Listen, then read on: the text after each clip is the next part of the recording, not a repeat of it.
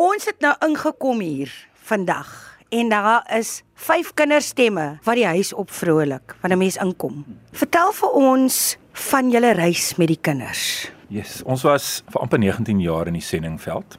So ons het ehm um, hoofsaaklik in Oekraïne gebly vir 8 jaar. En ons het toe nou daar uitgevind ons kan nie kinders hê van ons eie nie. Kyk, ad adoption was altyd deel van ons plan. Toe ons terugkom op 'n stadium toe sê ek vir my vrou wel dalk is dit net nou die regte tyd. Ons het niks gespesifiseer nie, nie gender nie, nie ras nie, niks nie. En Nina toe ons oor ons lewe gekom, haar aangeneem in 2013. Sy was 9 maande oud. En toe sy nou rukkie by ons is, ek was baie happy met een kind en toe besluit my vrou nee, sy het 'n maatjie nodig daarso en toe adopt ons vir Milo. Toe kry ons nou vir Milo. En die journey het net nie opgehou nie. Elke nou en dan dan stuur iemand vir ons 'n foto oor hierdie kinders soek is weet 'n safe house vir 3 maande of wat ook al dan vat ons die kind in en dan dan bly die kind vir 18 jaar.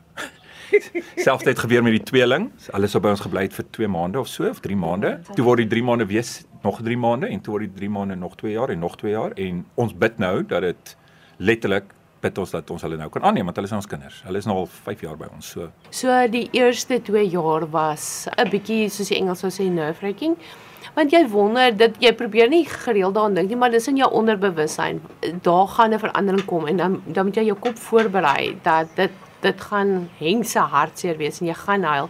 Maar as die ouers hulle lewe omgedraai het is dit tog goed vir hulle om terug te gaan. Ek weet nie jy's ek sê my oë uithaal. My na die eerste 2 jaar die tweede 2 jaar ek en my man kyk baie anders daarna. Hy is soos in dalk gaan hulle hulle kom al. Ek is dalk maar bietjie dom. Ek het net besluit wel as jy na 2 jaar en na 4 jaar nog nie jou lewe reg het nie. Wat is die kans dat jy dit gaan regkry?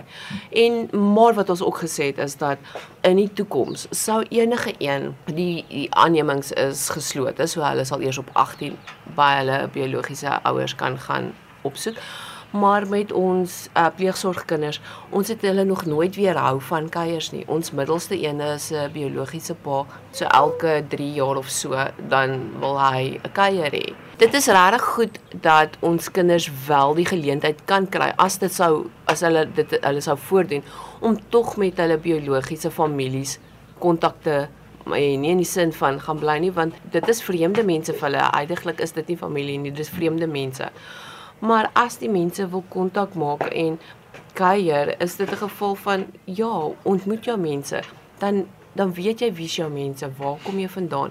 Want as 'n uh, kind wat nie weet wie sy biologiese pa nie, verstaan ek dit. Jy dit is 'n wonder.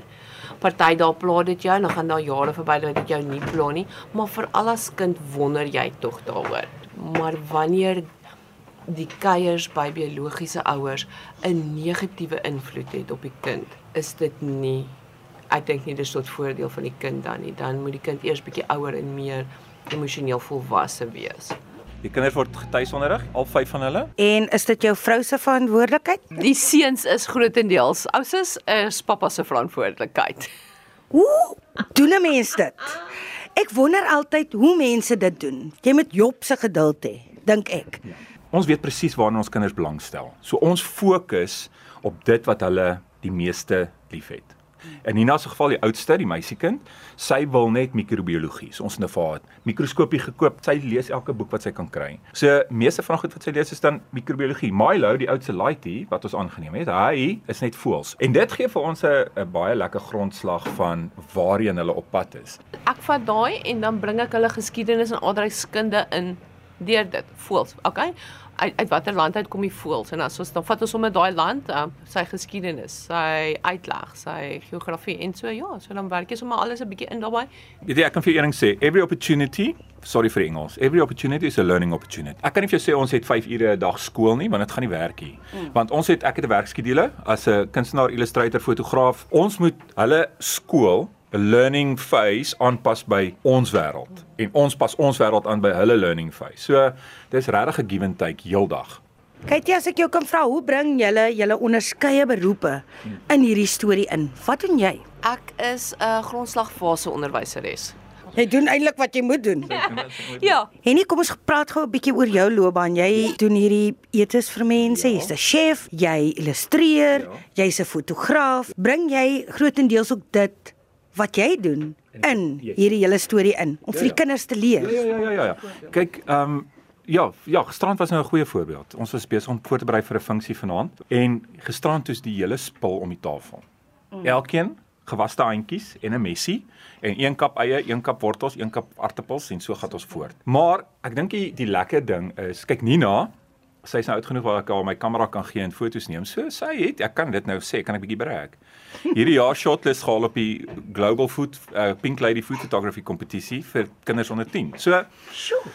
Want ek vat haar saam. Of sy nou dit gaan doen vir 'n lewe of nie is irrelevant. Wat sy wat ek doen is weer eens every opportunity is a learning opportunity. Selfs met die kinders van hier's twee of drie van hulle wat baie kunstig is. So as ek 'n studio toe gaan of ateljee toe gaan dan dan gaan hulle se nou en dan saam dan gaan ek vir hulle papier gee en dan gaan hulle heeldag daar sit en kribbel en krap en wat ook al. So ek gaan dit nie afforceer op die wat nie daarvan hou nie, maar daar is een of drie wat nie daarvan hou nie. Die tweeling se saak lê op die oomblik in die hof. Twee maande word hulle 5. Hulle is al by ons vandat hulle 6 weke oud is uit die hospitaal het. Dit is premies gewees. As alles goed gaan, dan hoop ek bly hulle by ons tot hulle 18 is en dan sal ons definitief ehm um, die volgende move is om hulle aan te neem om te push vir aanneming, jy weet. So vir my gaan dit oor hy die vir my gaan dit oor identiteit. Die kinders op die oomblik, onthou nou hulle gaan nou groot word. Hulle gaan groot word met hulle met hulle van en hulle bly in hierdie gesin met hierdie van en geskiedenis. En as as 'n kind aangeneem word, dan stuur die government vir jou 'n brief.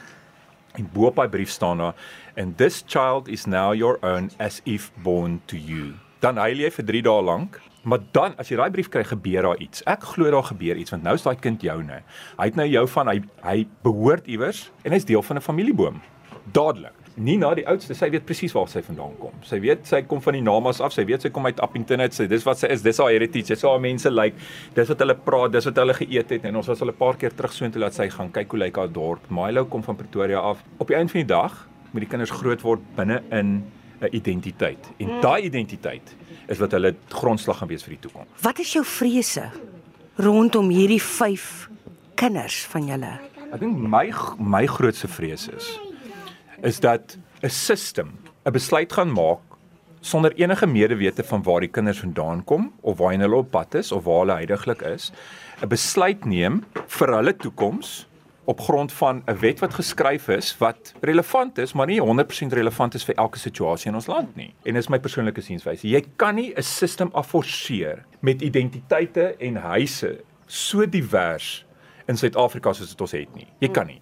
My geval of ons geval met die tweeling, die wet maak nie eers naaste by sin as dit kom by reunification van die kinders wat nog nooit in hulle hele lewe hulle biologiese ouers gesien het nie. Dit maak nie sin nie. Nou is hulle amper 5 jaar. Nou word hulle vir nog 2 jaar verleng. Nou is dit nou word dit 7. Nou gaan 'n kind op 7 reunify word met sy biologiese ouers en dit maak nie eers sin. So my vrees, um, ek kan nie afvan om te praat oor vrese nie, maar kom ek sê maar, maar my vrees is is dat so iets moet gebeur. Dat daar iets met die kind moet gebeur en hulle gee nie om waar die kinders is, wie hulle is, wat hulle sterkpunte, wat hulle swakpunte is. Dit word nooit in ag geneem. So ons het breinkinders, al 5 van hulle is brein die feit dat ons homeschool was nie dit was nie een van die opsies nie maar dit help tog baie. Die feit dat hulle nie direk in 'n skoolstelsel is waar daar gespot word nie. Wat ons maar net uh, besef het is om nie so seer op die negatief te gaan konsentreer nie Absoluut. as die positief. En dit is half jou beste grondvlak want as jy jouself aanvaar en lief is vir jouself en weet dat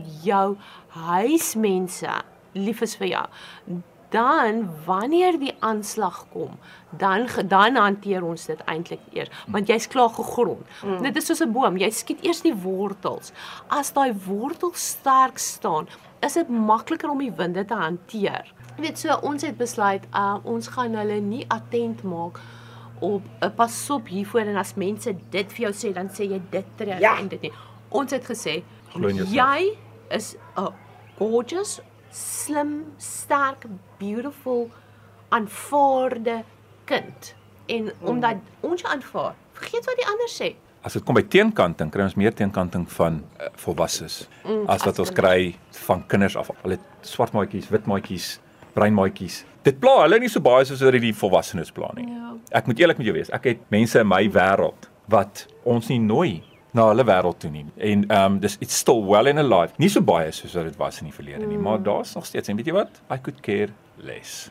Vertel ons van hy drome van die boek of mag jy niks nou daaroor sê nie? Kom ek sê, kom ek sê, ons het nou besluit. Dit was ook amper al 'n COVID ding. So ons het nou gesê ons gaan ons kinders om die tafel sit en dan gaan ons nou kinderboek skryf. Almal skryf saam die boek. Mm. En dit is natuurlik my droom om te illustreer as 'n illustreerder. So dit gaan 'n fenominale storie wees. Kom staan nie by die kant. Sit daar. Sit daar, sit daar op daai stoel. Nina, sê my gou, mamma en pappa wat nou hier by my sit. Wat dink jy van hulle? Ehm um, ek dink hulle is cool, maar hulle is ook baie streng as ek stout is en ek hou daarvan, want hulle het so vir my altyd gesê dat ek soos 'n klein bimpie wat gesneeu word en hulle snoei snoei my, nee. Ehm um, en dis hoe hulle my reg leer. Jy is pragtig. Wat is jou drome vir die toekoms? Ek wil 'n scientist word, 'n microbiologist en dan aan die kant wil ek 'n dressdesigner word. Sjoe. Gaan jy van jou geld deel met mamma en pappa? Ja. dalk of dalk of dalk.